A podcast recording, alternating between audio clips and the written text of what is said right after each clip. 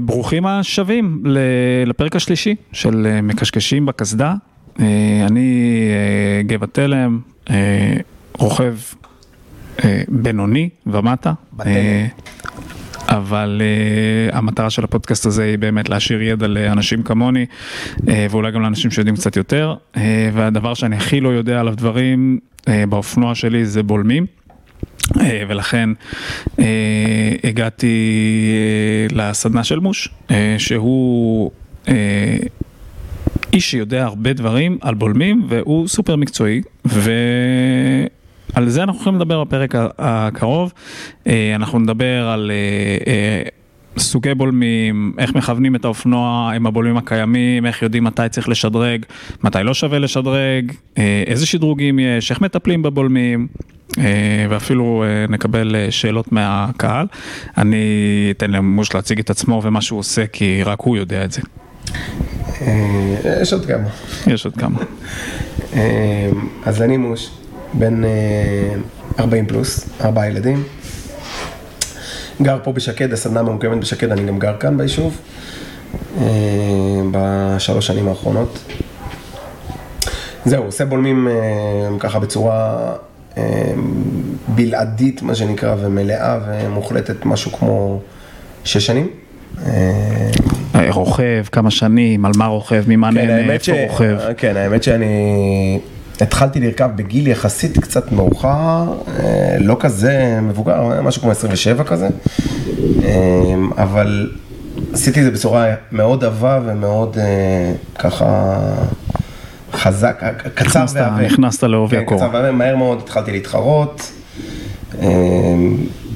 מהר מאוד כבר בקטגוריה המקצועית, שגם לשם דחפתי את עצמי, זה לא הייתה הרמה שלי, בוא נגיד ככה, החבר'ה ברמה הטכנית לפחות והכל, הם היו מעליי. אבל הצלחתי להגיע להישגים, וזה נטו כושר ורבאק. זהו, אז כאיש מקצוע מאוד מאוד חשוב להישאר אה, מחובר לכידון. זאת אומרת, לפעמים אנחנו שוקעים בעבודה ואנחנו מתעסקים אה, בתיאוריות ובפרקטיקה ובכל מיני עבודה, דברים שהם טכניים, אבל בסוף מי שלוקח את העבודה הזאת למעבר טכנאות החלפת אה, מחזירי שמן ביוטיוב וכל מיני דברים יותר מיוחדים, שיפורים, שיסטומים, רעיונות ופיתוחים, אם אתה לא מחובר לכידון ואתה לא מרגיש את הדברים בידיים וברגליים, 15 אלף פעם ביום, הלוך חזור, הלוך חזור ובודק, כמו שעשיתי רגע לפני שהתחלנו את השידור הזה, אז אתה מאבד את זה פשוט. זה פשוט, אתה הופך ללא רלוונטי. ואני ראיתי את זה, אני ראיתי שיש כל מיני דברים שהתחלתי לעשות באוטומט, אבל אמרתי, וואלה, צריך ללכת ולבדוק אותם בידיים. אני מבין, זאת אומרת, היום אני עושה משהו, אני יודע מה אמורה להיות התוצאה, אבל אם אני לא לוקח את זה ובודק את זה ומרגיש את זה בידיים, שום מכשור פה לא יכול להחליף את זה. נשמע שאתה חי ונושם בולמים, בגדול. כן. אפשר לסכם. כן. אה, אז נתחיל, נקפוץ לתוך המים של הפרק הזה, אה, בשאלה שלא, אני מניח, לא כולם סגורים לגמרי, אה, אבל מה תפקיד הבולמים באופנוע? באופנוע או בכל כלי רכב, כל המטרה המרכזית של בולמי זעזועים היא לחבר אותך כמה שיותר זמן עם הקרקע ולגרום לזה שלא יהיו לך ניתוקים מהקרקע או למנוע את זה במינימום האפשרי. זאת אומרת, אם היינו עכשיו לוקחים איזה שהם אופניים שאין להם שום, כמו שאתה מכיר, אופניים אה, קשיחות לחלוטין, בלי שום שיכוך והיית נתקע באיזה משהו, היית מקבל את זה ישירות לגוף, אה, אוטומטית הגלגל היה עף באוויר ובגלל זה גם לא היית מצליח לשמור על קו אה, אה, והמשך תנועה נכון. אה, אם היית שם לאופנועים האלה, ואז התחום הזה התפתח בעצם, ובעצם שמו קפיצים. אמרו, אוקיי, בוא נשים קפיצים ונשכך, ואז אפשר לראות גם גרפית וגם לעשות איזשהו, יש כל מיני הדמיות שעושים בתחום הזה. אז מראים שעם קפיץ באמת, אתה משכך את הזעזוע, הגוף לא חוטף אותו, חוטף אותו פחות, אבל אתה נכנס למין באונסינג כזה של זה, כמו איזה כדורסל כזה שמתחיל לקפץ, ואתה לא מצליח לשמור על קו, יש לך המון ניתוקים מהקרקע, המון איבודי אנרגיה ואחיזה, וכמובן סכנה בטיחותית, מבחינת אתה לא יודע לשמור על קו. ואז נולד ה damper ההידראולי, בעצם המשכך עצמו, שיודע לשכך, יש מה שנקרא שיכוך כיווץ ושיכוך חזרה. שיכוך כיווץ זה באמת בדחיסה, בזמן ה impact עצמו, דחיסה מתי שהבולם נכנס פנימה, ושיכוך חזרה זה הריבאונד בעצם, זה מתי שהוא חוזר חזרה compression בעצם, וריבאונד. אה, אני מדבר ברמה מאוד מאוד בסיסית, אני לא אכנס ל low speed. זה טוב, ככה אני מתחיל להבין, זה בסדר. אז, אז בעצם הרעיון בשיכוך דחיסה הוא בעצם מעבר ל... אני, אני עוד פעם אפתח חלון ואני אגיד, הכוחות בבולם זעזועים באופן כללי מחולקים לשניים. יש כוחות אלסטיים וכוחות הידראוליים. הכוחות האלסטיים זה בעצם הקפיץ, הכוחות ההידראוליים זה המשכך ההידראולי. הקפיץ הזה יכול להיות או פרוגרסיבי או אה, קבוע, שזה יחס ישר, אבל עוד פעם, אנחנו פותחים פה יותר מדי אה, זה. נגיע לזה בהמשך. זהו, אני לא רוצה להעמיס יותר מדי. אז, אז, אז בעצם ב, בשילוב של בעצם הקפיץ של, של הכוחות האלסטיים, שהוא בדרך כלל יהיה קבוע, וייתן איזשהו יחס ישר של התנגדות, אמ, אנחנו מוספים את המשכך ההידראולי, שהוא יהיה בדרך כלל פרוגרסיבי יותר ב... ב... זאת אומרת, אם אנחנו נראה גרף של קפיץ ישר, שהוא גרף ישר, אנחנו נראה בדרך כלל קפיץ, אה, גרף של אה, דמפר הידראולי, שהוא גרף אקספוננציאלי, כשהמטרה היא באמת שתהיה לו יותר התנגדות ככל שהעומס עליו עולה. ובעצם, אמ, אם אנחנו ניקח את האופניים האלה ונוסיף להם משככים הידראוליים, או אופנוע, לא משנה מה, אז אנחנו נוכל לפגוע במכשול, לשכך אותו בדחיסה, בעצם הבולם ייכנס פנימה, זאת אומרת שהגוף והאופניים ממשיכים ישר, ובחזרה הוא, הוא לא יקפץ, כי יש לו גם איזשהו מין שיקום, שהקפיץ רוצה לדחוף חזרה בכל הכוח, אבל המשכך ההידראולי נותן איזשהו בעצם לא נותן לדמפר הזה להיפתח בכל המהירות. כדי שלא יזרוק את ה... בעצם הוא עושה את זה, הוא עושה את זה ב... בהידראוליקה של שמן, וככה בעצם אנחנו משיגים איזשהו שיכוך הידראולי. אה, אז, אז המטרה באמת לשמור על, על איזשהו, שתוכל לשמור בעצם על, אה, על אה, קו נסיעה ישר ובטיחותי, ועל כמה שיותר זמן של גלגל קרקע, זאת אומרת, כמה שפחות ניתוקים. אוקיי. Okay. בוא נדבר קצת על ההבדלים בין סוגי בולמים, אה, ואם קיימים כאלה בכלל, אה, לפי סוגי אופנוע, האם אופנוע כביש, אופנוע אנדורו, אופנוע אדוונצ'ר, אה, לא חסרים סוגי אופנועים היום, אני מניח גם שיש סוגים שונים של בולמים שכדאי להכיר? יש, יש, כן, יש לא מעט סוגים, הדברים מתחלקים בעיקר, קודם כל צריך להבין שכל הנושא של גז או אוויר, אה, וקפיץ, בדרך כלל, אה, אם אנחנו מדברים על בולמים, אז בבולם, בואו ניקח סתם דוגמה את זה, שיהיה לנו איזושהי דוגמה בעין. רואים את זה פה? כן. יכול לשים אותו פה על השולחן אם אתה רוצה. אז בבולם כזה, אה, בדרך כלל ובכל בולם, זה בולם קדמי של אופנוע, אז בבולם כזה יש לך את הגוף עצמו, תכף נדבר גם על בולם אחורי, אבל בבולם קדמי יש את הגוף, mm-hmm. ובתוך הגוף יש את המערכת, הקרטריג' עצמו, שהוא בדרך כלל יהיה אה, הקרטריג' ההידראולי, שהוא ייתן את, ה, את היכולות שיכוך ההידראוליים של הבולם הזה. ולתא החיצוני, התא החיצוני בדרך כלל משמש בתור איזשהו בית לכל הסיפור הזה. כשבתוך הבית הזה יש, אה, יש, יש פה תאים, ותכף נסביר את המשמעות שלהם. אז יש בולמים שהם בולמים של קפיץ שמן מה שנקרא, זה הבולמים הסטנדרטיים הרגילים. שהקפיץ נותן לנו באמת את היכולות האלסטיות, וההידראוליקה קורית על ידי המשכך עצמו, הקרטריג'. ויש בולמים שיש בהם אוויר, בולמי אוויר מה שנקרא. האוויר מחליף את הקפיץ. בדרך כלל שיש בולמים שהם בולמי אוויר, אה, המערכות יהיו נפרדות, בדרך כלל. שזה משהו שהוא יותר מתקדם? לא עניין של יותר מתקדם, אין פה okay. עניין אוקיי. של אה, להפך. אני פחות אוהב את זה, אני מעדיף אה, מערכות של קפיץ שמן, הן פרוגרסיביות יותר, הן לדעתי נכונות יותר.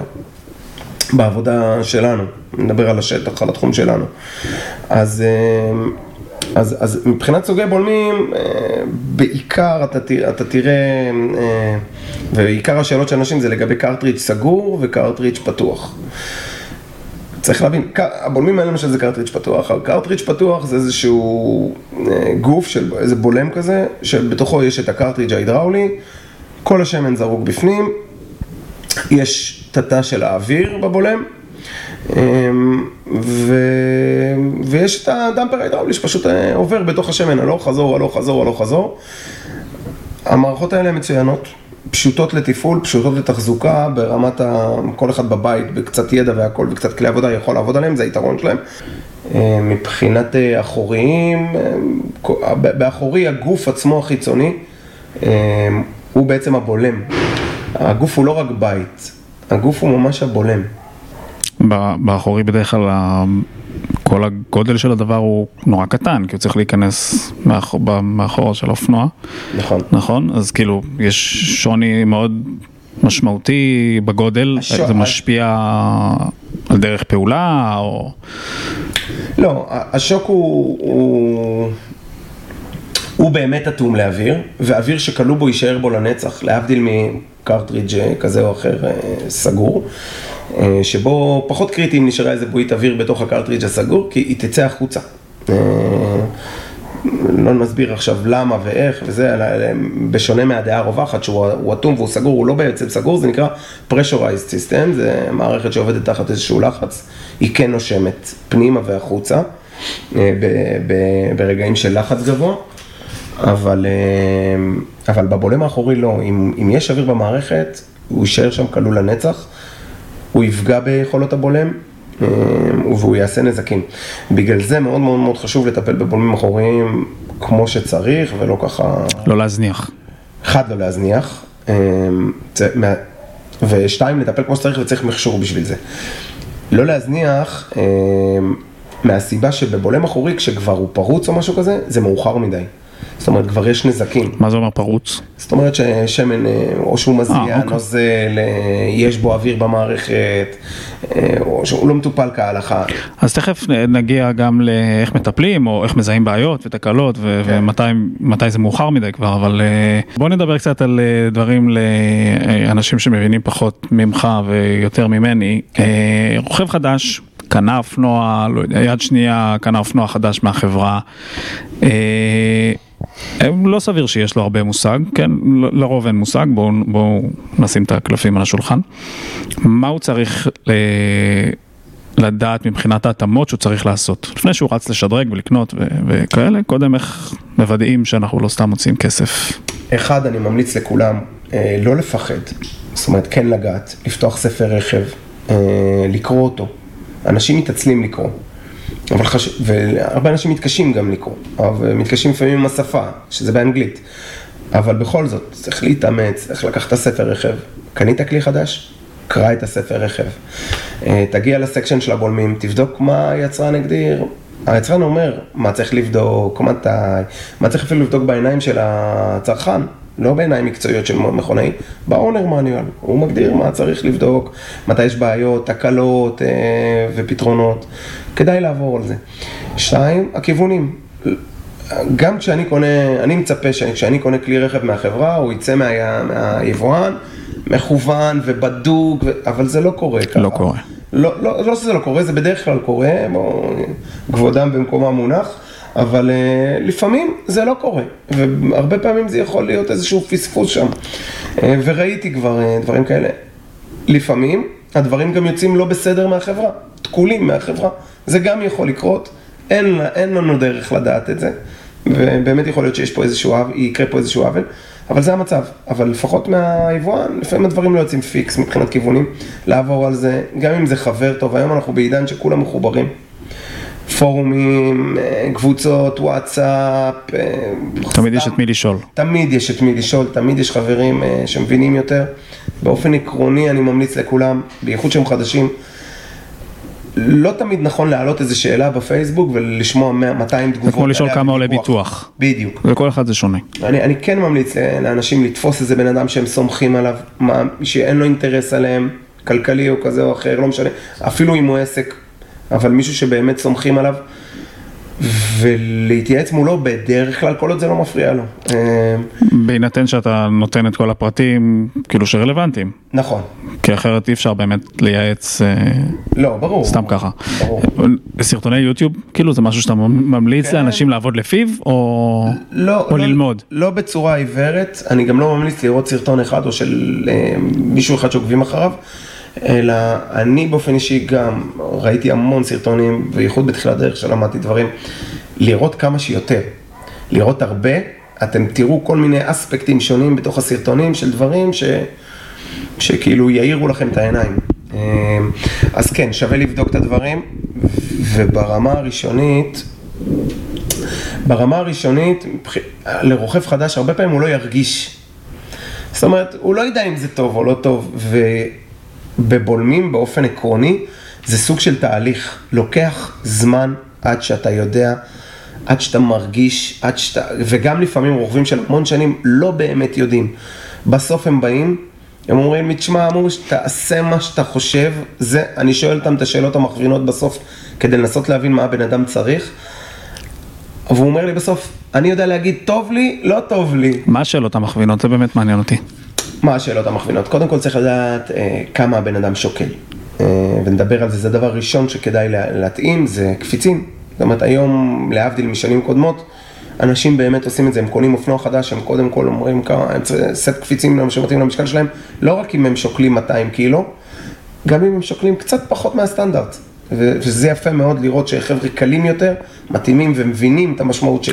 מה נחשב הסטנדרט? 70-80 כאילו זה... 75 עד 85 okay. אוקיי. ברוב האופנועים זה הסטנדרט, יש כאלה שזה 70-90, יש כאלה שזה 70-80, אבל 75-85 זה היה בדרך כלל מה שנהוג. זאת אומרת שאם אני רוכב אה, במשקל נגיד 100 קילו, אז אני מראש כבר צריך אה, נכון. להכין לעצמי את הקפיצים, או לחכות ולראות אם זה... כן, חד כן, משמעית, אוקיי. כי אם לא תתאים לעצמך קפיצים נכונים, לא משנה מה תעשה, האופנוע לא יעבוד טוב.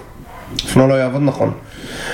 עכשיו, אין קפיץ אחד שמתאים למשקל שלך, וכשמגיעים לרמה מקצועית יותר, אז, אז אפשר לחלק את זה אפילו לשלוש בדרך כלל. יש אפילו שלושה עומסי קפיץ שונים שיכולים להתאים לך, וזה תלוי גם בעומס או בפריקוונסי של העומסים שאתה מפעיל על, על, על האופנוע. זאת אומרת, זאת אומרת כמה, איתי, כמה אני רוכב? ב, לא כמה אתה רוכב. איפה אני רוכב? אלא איפה אתה רוכב, איזה סגנון.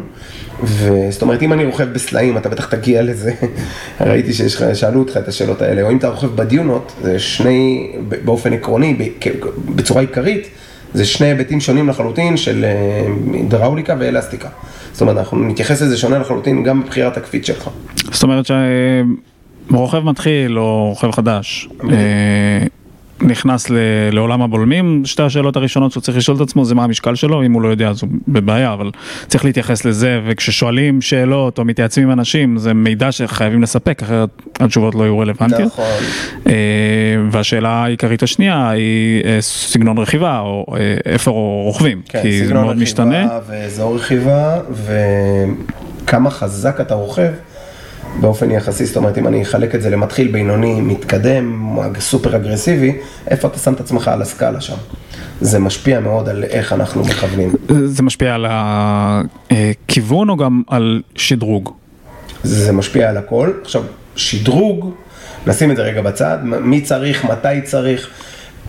תמיד אני אומר, למה כלב מלקק לעצמו את הביצים? סליחה, כי הוא יכול. אז קודם כל, אם אתה יכול, למה לא לשדרג? כאילו, צריך להבין שהשדרוג הזה הוא לא רק איזה פוזה או fun.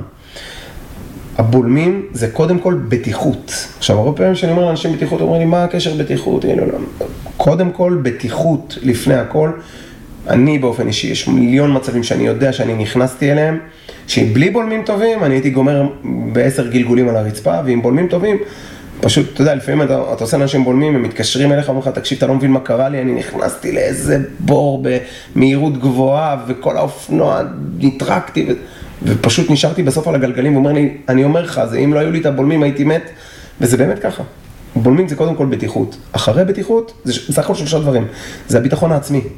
כשיש לך בולמים טובים ואתה מרגיש שאתה פתאום מחובר לכלי וכל מה שאתה עושה מצליח ואתה יודע שאתה נוחת באיזה, קופצת וקצת תפסת איזה וין, שאתה יודע שאתה פותח גז, האופנוע מתיישר וממשיך לנסוע והכל טוב, הביטחון העצמי שלך עולה, הקצב עולה, ואנחנו וה... יודעים שברכיבה וברכיבת שטח בפרט, הביטחון העצמי זה, זה הכל. נכון שלא צריך להגזים איתו כדי לא להתפוצץ ולהיכנס לפציעות, אבל ביטחון עצמי, כש, כשהדבר, כשהדברים מתחברים לך, ואתה בטוח בעצמך, הכל מסתדר לך ברכיבה. והדבר שלישי זה fun, אתה פשוט מסיים, אתה נהנה בקסדה, אתה צורח מאושר ואתה מסיים את הרכיבה, בסוף זה תחביב, צריך להבין את זה, וזה התרבות פנאי שלנו, ואם אנחנו לא משקיעים בדברים האלה, צמיגים טובים, בולמים איכותיים והכל, אז מה, כל הפאן הזה לא שווה כלום. כן, תחביב יקר. אה, כן. אשתי יודעת, כן. כן.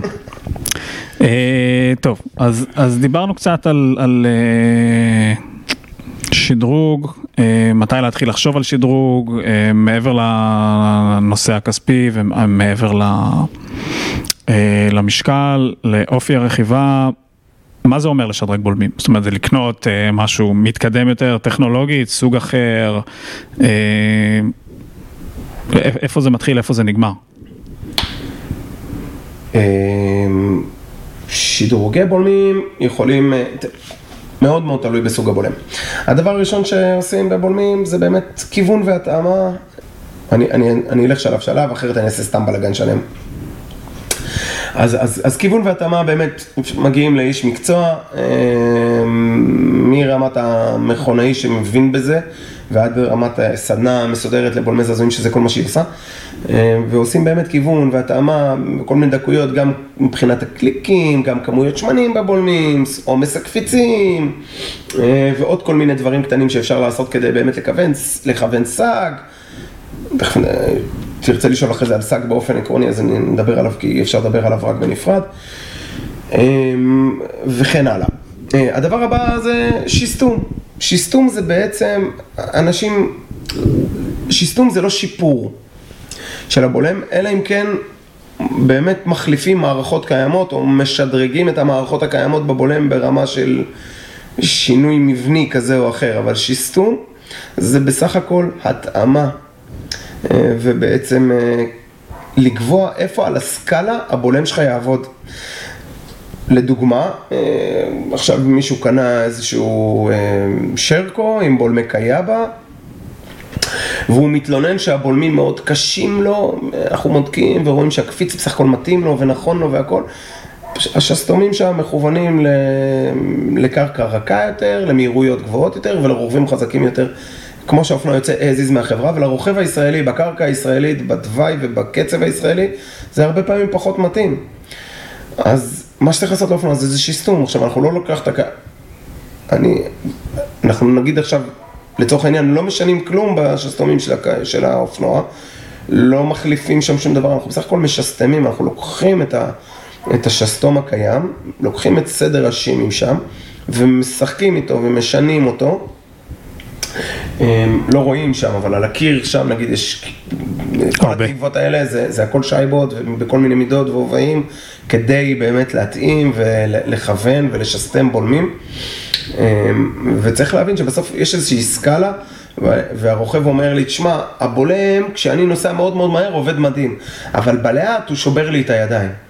אז הוא בסך הכל אומר, תשמע, הבולם שלי עובד, עם הסקאלה שלי 0 ל-100, הוא עובד איפשהו יפה מאוד, בין ה... הוא מכוון לעבוד יפה מאוד, בין ה-60 ל-95. אני רוצה שהוא יעבוד טוב בין ה-15 ל-70. אז אני לוקח את הדבר הזה, ובאמת, את השסתום הזה, ומכוון אותו לעבוד באזור הזה של הסקאלה, ולא באזור הגבוה של הסקאלה. זה שיסטום. זה בפני עצמו דורש מקצועיות וידע וניסיון, וחד משמעית. וזה איזשהו שלב לפני שרצים להחליף את כל המערכת ולהחליף דברים, או שזה בלי קשר? לא, זה בלי קשר, זאת okay. אוקיי. אופציה. אה, היא תהיה אופציה זולה יותר מהחלפות בדרך כלל, והיא גם לא תתאים לכל בולם. Mm-hmm. זאת אומרת, לבולמים של קרטריץ' פתוח, לא כל קרטריץ' פתוח, אבל לבולמים של קרטריץ' פתוח, דוגמה כמו אקספלור, ב-WP, זה לא כל כך משנה אם אנחנו נעשה את השיסטום הזה. זאת אומרת, אתה כן יכול לשפר לאנשים את ה... לפי הדרישה שלהם ולהתאים להם יותר, אבל זה לא, ביחס עלות תועלת, זה לא ייתן את האפקט. הרבה פעמים שאנשים מתייעצים איתי, אז אני אומר להם כן, ואתם תמצאו חבר'ה בתחום שיגידו לכם בואו ונעשה שיסטום וזה. חבל על הכסף שלכם. זאת אומרת, אין בעיה לעשות, נעשה לכם, נשפר, אבל. לא תקבלו תמורה אמיתית לכסף, וכבר עדיף אולי ללכת על איזשהו קיצ'יסטום. קיצ'יסטום, זה בדרך כלל איזשהו, פעם זה היה, זה תלוי. אם, אם, אם השסתומים הם ברמה גבוהה, בדרך כלל הם יבואו רק ערימה של שייבות כדי לשסתם באמת ולהתאים למה שאתה צריך, או עם אה, פיסטונים גם, שיחליפו את הפיסטונים עצמם כדי לשפר את הפיסטונים ואת המעברים וכל ה... את ההנדסה של זה.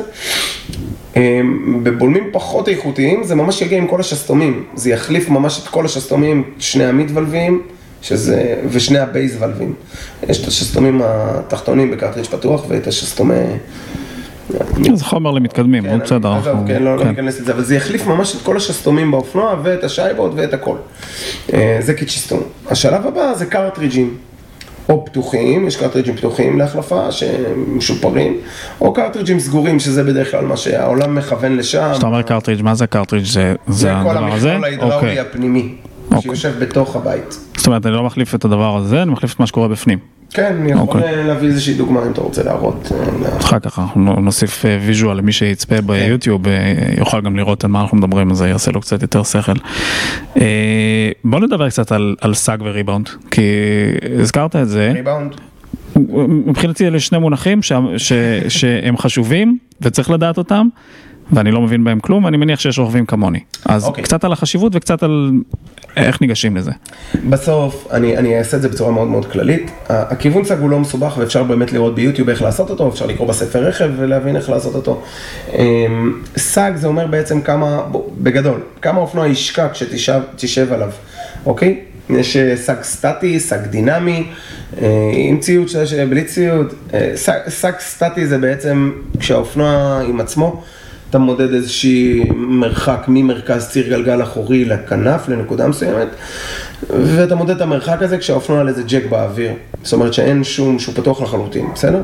אחרי זה אתה מוריד את האופנוע מהג'ק, האופנוע על הקרקע, אז האופנוע שקע טיפה מהמשקל העצמי שלו. אתה מודד את אותו מרחק. זה יהיה ה sag הסטטי. אה, בספר רכב יגדירו לכל אופנוע כמה ה sag הסטטי צריך להיות. 3 סנטימטר, 3.5 סנטימטר, 37 מילימטר, 3.7 וכן הלאה וכן הלאה. 4, זה לא חשוב. ה sag הדינמי זה עם הרוכב, עם הציוד עליו והכל, שהוא יושב על האופנוע, זאת אומרת כמה ממצב אה, אה, שהאופנוע באוויר, כאילו על ג'ק, וכשהרוכב יושב עליו. כמובן צריך איזה עזרה ממישהו כדי לעשות את כן, הדבר זה הזה. בדרך כלל שני אנשים. כן, וזה יהיה ה sag הדינמי. עכשיו, למה צריך גם sag סטטי וגם דינמי? כי, כי ל sag דינמי ול sag סטטי, גם אם הקפיץ לא מתאים למשקל שלך, אפשר להגיע על ידי הקשחות כאלה ואחרות או מתיחות של הקפיץ. אבל אם הקפיץ לא יתאים לך, אתה לא תצליח להיות גם ב sag סטטי וגם ב sag דינמי, זאת אומרת את שניהם ביחד במקביל. ובגלל זה חשוב לעשות את שניהם ביחד במקביל, כי ככה אתה רואה באמת אם הקפיץ מתאים לך, למרות שאם אתה מתאים את הקפיץ למשקל שלך לא אמור להיות בעיה. אבל זה משהו שכל, זה זה? משהו שחייבים לעשות, נכון? זה לא משהו להקל בראש ולהתעלם. אז, אז sag באמת חשוב מאוד להתנהגות של האופנוע, אה, זאת אומרת, הוא יקבע שהאופנוע יישאר מאוזן ו... ו, ו מאוזן ושיעבוד כמו שצריך, זאת אומרת שהפרונט והאחורה אה, י- יעבדו ביחד, שהאופנוע ירד ביחד, ש- זאת אומרת שלא תהיה לך כל מיני זוויות כאלה מוזרות באופנוע, אה, שלא יהיה לך מין, אה, גם, גם לא באחורה וגם אה, גם לא למעלה וגם לא למטה. מצד שני, צריך להבין שלסאג יש טווח, ומה שנכון לרכיבת סופר מוטו לא נכון לרכיבת אה, אנדורו, ומה שנכון לרכיבת אנדורו לא תמיד נכון לרכיבת hard enduro. ולפעמים גם אפשר קצת לוותר על ה sag הזה לטובת גובה, אנשים עושים את זה, אה, וזה בסדר, זאת אומרת, זה לא הדרך הנכונה, אבל זה בסדר, זאת אומרת, לא סוף העולם. צריך גם להבין שברכיבת hard enduro, תמיד אנשים הולכים, מכוונים sag כמו שהספר אומר, אבל זה לא נכון. זאת אומרת, הרבה פעמים דווקא ב hard enduro אנחנו כן נרצה sag גבוה, sag גבוה אומר שהאופנוע נמוך. sag גדול אומר שהאופנוע נמוך, בסדר, זה קצת, הכל שם הפוך. אוקיי. אז כן, אנחנו נרצה, אם הספר מגדיר לנו 10 או 11 סנטימטר וזה, אנחנו נרצה ללכת על הטווח המקסימלי, כיוון ה-12 סנטימטר. זאת אומרת, לא תמיד ה sag סטנדרט הוא נכון לנו, אנחנו צריכים להבין את זה, ובשביל זה כן שווה להתייעץ עם, אה, עם איש מקצוע, אה, לא עולה כסף, אליי אפשר להתקשר תמיד אה, ולשאול אותי, ואני אייעץ בכיף. אה, העניין הזה עם ה sag הוא מע- מעסיק אנשים המון, צריך להבין שלא לא תמיד זה נכון, זאת אומרת, מה שמוגדר, זה מאוד מאוד משתנה בין ה, ב, ב, בכל פרסונה ובכל סגנון רכיבה, איזה sag אנחנו נעדיף.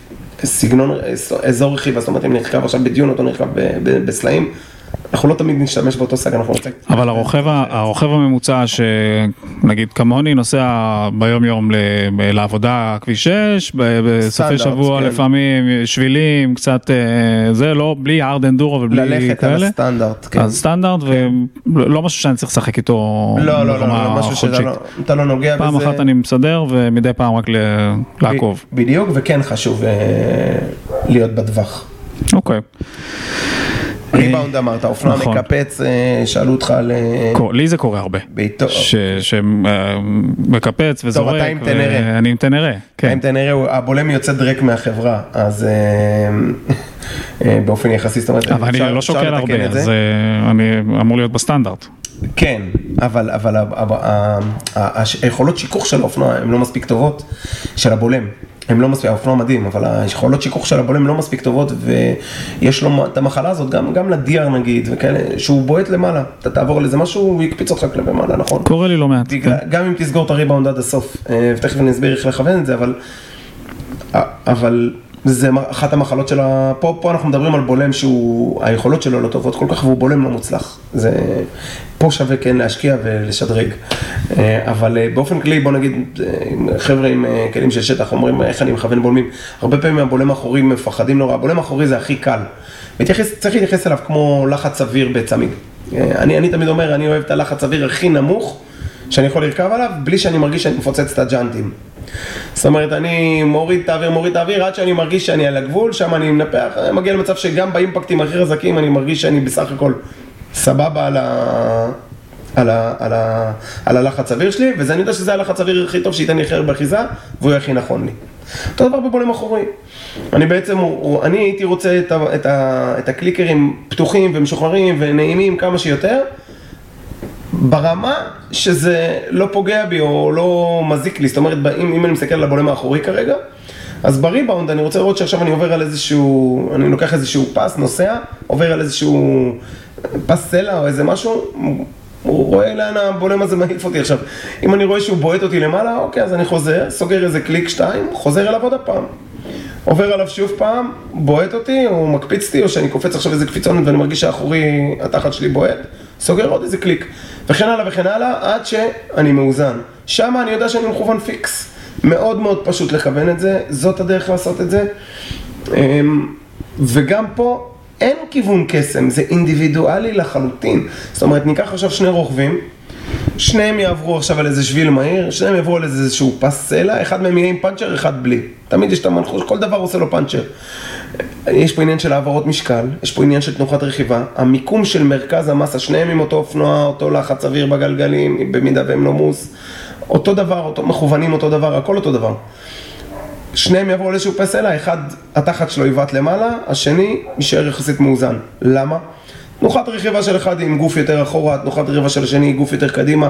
הדברים האלה מאוד מאוד משפיעים על איך הבולמים עובדים. אז כל אחד מהם צריך, ב fine tuning, כל אחד מהם צריך כיוון טיפה שונה.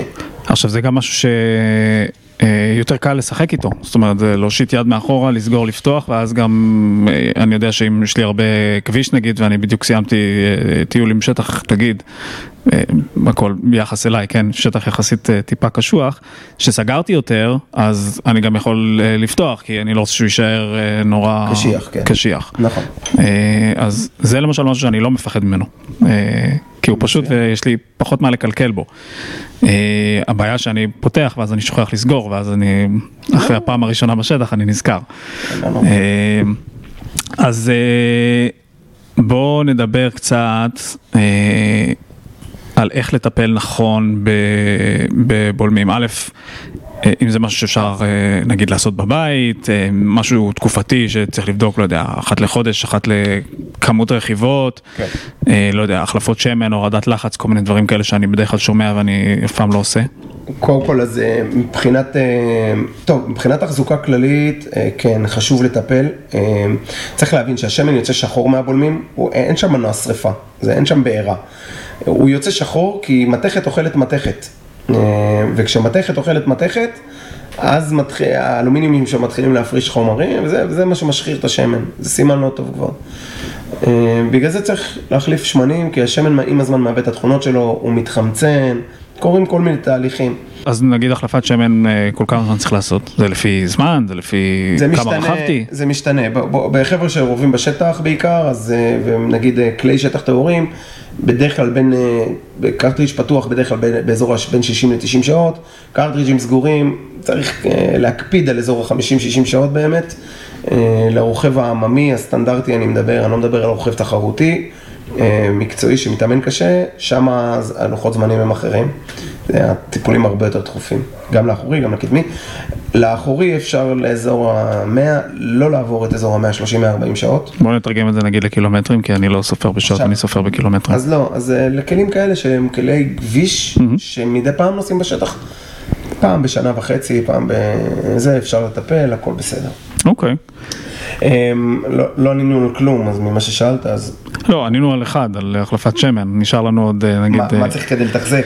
אה, אז בוא אני אגיד כן. לך כמה דברים, כן. אז לנקז אוויר בבולמים שאפשר לנקז בהם אוויר, לנקז אוויר מהבולמים, נאגר אוויר, האוויר הזה נכנס מבחוץ פנימה, בריבאונדים של הבולם, הוא יונק אוויר פנימה. האוויר הזה עולה והוא נמצא מעל השמן, הוא בדרך כלל לא יוצא החוצה. אז האוויר הזה, צריך לפתוח את הבורג פה של הניקוז אוויר, כשהפרונט באוויר, אוקיי? ולנקז אוויר. כל כמה זמן, אמ, אפשר לפני כל רכיבה לעשות את זה. אה, כשה... בדרך כלל עושים את זה כשהבולם קר, אה, כדי שהלחצים יהיו זהים. אבל אפשר לעשות את זה לפני כל רכיבה, אה, אם לא יוצא ואנשים, אז אנשים יכולים לה- לה- להעלות את זה פעם בשתיים, פעם שלוש רכיבות, לפי איך שהם רואים, כל אחד לפי הזה שלו, זה בסדר, אבל כשמרגישים כבר שה, כשהעומס גדל ונהיה קשה ונוצר לחץ בפנים, מאוד מאוד חשוב לעשות את זה, זה משנה לחלוטין, לפעמים בולם יכול להרגיש תקוע, רק בגלל לחץ אוויר. אה, דבר שני, אה, חשוב שהרגל הזאת תהיה נקייה. אה, חלק הזה. החלק הזה חשוב להקפיד עליו ולראות שהוא נקי, פה אפשר לראות שהוא קיבל איזושהי מכה קטנה, אפילו עכשיו אני רואה. אה, חשוב שזה יהיה נקי. בתקופות של החורף, עוד יותר, בוץ. בוץ שנתקע על הרגל, כל עוד אנחנו בזמן רכיבה, לא קורה כלום, הבולם יודע להתמודד איתו. הבוץ הזה תוך 7-8 דקות הוא יודע להתקשות. כשהוא מתקשה, המחזיר יורד עליו וזהו, הוא פשוט לוקח אותו פנימה. הוא לוקח, מרטיב אותו, מעלה אותו פנימה. הבוץ נשאר על הרגל, הבוץ הזה קורע את האטמים, הבוץ הזה מתקשה, הוא כמו סוג של איזה אלמנט קשיח כזה שפוגע באטמים ובמחזירים. חשוב מאוד לנקות את הרגל. עצרתם שנייה, עצרתם לשתות קפה, לעשן, תעבירו רגע איזשהו ויש על, ה... על הטיוב הפנימי. סתם עם תמשיכו אה. סמרטוט נקי כזה? סתם עם סמרטוט עם הכפפה, לא משנה עם מה. אוקיי. פשוט תנקו את הבוץ מהרגל, אל תיתנו לבוץ הזה להתקשות ולשבת. אה, לכלוך באופן כללי, אה, להעיף אותו. נפילות, לשים לב, מכות, שריטות, דברים כאלה שקורים על הזה, גם לעבור, ראיתם שאפשר לקחת איזה נייר ליטוש עדין מאוד, וטיפה לעדן את ה... עם... כי ברגע שיש מכה או שריטה, אז נכנס אוויר, או... אפשר, אפשר להתייחס לזה, קורים כמה דברים. אחד אפשר כמו איזה ציפורן כזאת ששורטת, שורטת, שורטת, הלכי גם אם נעשה את זה מאוד עדין, נעשה את זה 200 אלף פעם ונעשה את זה מהר ובסוף ירד לנו פה דם. אותו דבר הבולם, אין, אין הבדל. דבר שני, השריטה הזאת, הוא, הוא מרטיב אותה בשמן, נתפס עליה לכלוך, בפעם הבאה שהוא יורד הוא לוקח איתו את הלכלוך פנימה וכן הלאה וכן הלאה, וכן הלאה, עד שזה הורס את הבולם מבפנים. אמ, אז אה, מאוד חשוב הדבר הזה. שזה נכון לכל, לכל הכלים נגיד? כאילו גם אה, רוכבי כביש כן, וכאלה, נכון להקפיד על הכלים. ניקיון של, של זה- החלק הזה. זה נכון לכל הכלים. עכשיו, לגבי. ניקיון, ופה חשוב להגיד משהו, הרבה פעמים אנשים, יש אנשים שחולים על זה, כל הזמן שוטפים ושוטפים וזה, וסבון. כשאתם תשטפו את הדבר הזה עם סבון ומים והכל ותייבשו, הוא, הוא יהיה נטול שומנים לחלוטין. תדמיין לעצמך איזשהו גומי שמנסה לעבור עכשיו על משטח כזה שהוא מש... ברמת הזכוכית כמעט, שהוא יבש ונקי לחלוטין, איזה חיכוך מטורף יש על הגומי הזה ואיזה חום זה מייצר וכמה קשה אה, הוא עובד. ח... לשמן את זה מדי פעם. זה משהו שלא תשמע בזה ואנשים לא, לא מכירים. מאוד מאוד כדאי לקחת טיפה שמן, שמן בולמים, או אפילו סתם שמן, שמן מנוע, משהו, לשמן טיפה את הרגל ואז לנגב אותה, לא להשאיר שמן כאילו נוזל על הרגל, אלא לנגב, אבל להשאיר אותה קצת משומנת. נכון שהמחזיר, בתוך הגוף פה יש שמן, והוא עובד בדרך כלל עם איזשהו שמן, אבל אם, אם, אם האזור הזה יהיה משומן, יהיה לו הרבה יותר טוב, הרבה יותר נכון, הרבה פחות חיכוך. אמ, זה לגבי התחזוקה, אה, מה עוד חשוב לדעת? אה, זה, זה בעיקר הדברים שחשוב לדעת. אולי הכי חשוב מהכל, זה לוודא שהפרונט אה, מאוזן. כשאנחנו נופלים בשטח לצדדים והכידון חוטף איזה מכה, בדרך כלל הפרונט מתעוות טיפה. כשהפרונט מתעוות, אנחנו מאבדים את המקביליות של הבולמים. המקביליות של הבולמים היא בשני מימדים. פעם אחת בולם כלפי בולם, את זה בהתקנה חשוב מאוד לעשות שזה יהיה מקביל וישר. ובפעם השנייה, וזה מה שקורה בשטח, זה שבולם אחד קדימה, אחד אחורה. זה יכול לזוז לנו מנפילות. כשזה קורה, הבולמים לא מאוזנים, וה, והבולמים, והפרונט ירגיש קצת תקוע, כי הוא לא יכול לרדת, בגלל שאם הצינורות לא מקבילים, mm-hmm. התחתון והעליון, הבולמים לא יכולים לרדת. כשזה קורה, כשהבולם עובד הוא מפעיל המון המון לחץ, זאת אומרת, בגלל שהוא זז, יש המון לחץ על המחזירים. אה, לחץ ברמה כזו שהמחזיר יורד מספיק, לפעמים הוא ממש אפילו יכול להיפתח טיפה, כי, כי זה לא מקביל, הוא לא יורד ישר. וזה אחד הורס את המקבילים, וזה הסיבה העיקרית לפריצה של מחזירי שמן. זאת אומרת, הטיפ הזה מוריד את העבודה לי, אבל אם תקפידו על זה, כמעט ולא יהיה לכם אה, נזילות בבולמים. אז בואו נדבר רגע על... אה, אה, תקלות שכיחות, אתה אומר נזילות ממכות, מנפילות, מה עוד חשוב לשים לב ש...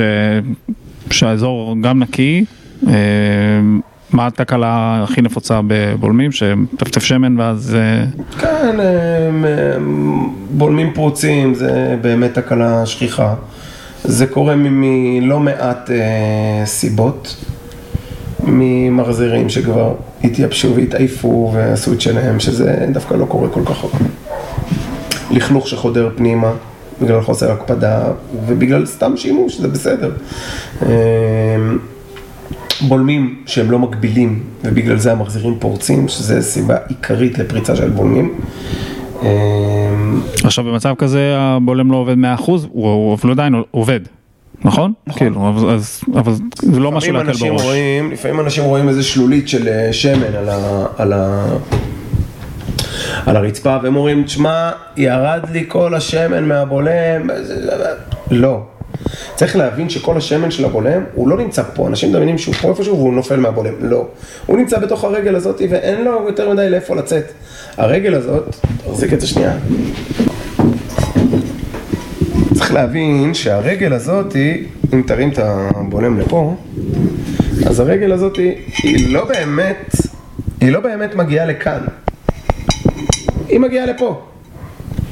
וכל הגובה הזה, מאיפה שהחור פה ועד למטה, מלא בשמן. ופה נמצא כל השמן של הבולם, אוקיי? השמן שכן רואים נוזל מהבולם, זה השמן שנמצא ברווח בין שני הצינורות, זאת אומרת יש פה קוטר לצינור הזה וקוטר יותר גדול של הצינור הזה, יש איזשהו רווח קטן מאוד ביניהם, והשמן שנמצא ברווח הזה ביניהם, בתא הזה פה, זה השמן שנוזל. זאת אומרת, גם כשאם השמן הזה מפסיק לנזול לרגע או משהו כזה, זה יכול להיות שפשוט נגמר השמן פה בין התאים. או שעכשיו יצאתם מאיזשהו טיפול, ולפעמים אנשים יוצאים מאיזשהו טיפול איפשהו, אומרים, אה, העמסתי את האופנוע, נסעתי הביתה, יצאתי לסיבובון קצר, ועוד פעם הבולם נזל. כי אחרי הטיפול, כל השמן ממוקם פה באמת, הוא לא עבר בין צינורות, ורק אחרי זה שהוא עובר, אפשר לראות באמת אם הטיפול היה מוצלח או לא. אז, אז חשוב להכיר את זה.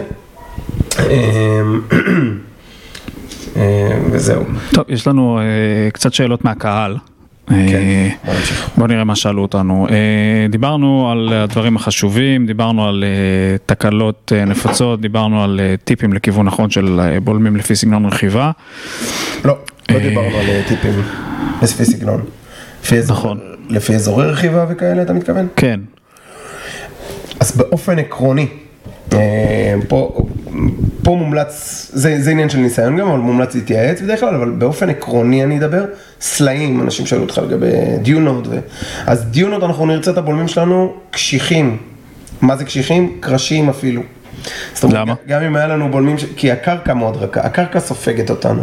אנחנו לא רוצים שהבולם יהיה גם מאוד רך ושהכל ימרח לנו כזה, להפך, אנחנו נרצה פרונט ואחורי מאוד קשיחים, הקצב רכיבה והאימפקטים שלנו הם מאוד חזקים ומהירים, הרכיבה היא על פול גז בדיונות אחרת לא זזים, ובגלל זה אנחנו נהיה בקצבים מאוד גבוהים, וזה מוביל אותנו, זה כמו לחץ אוויר בצמיגים.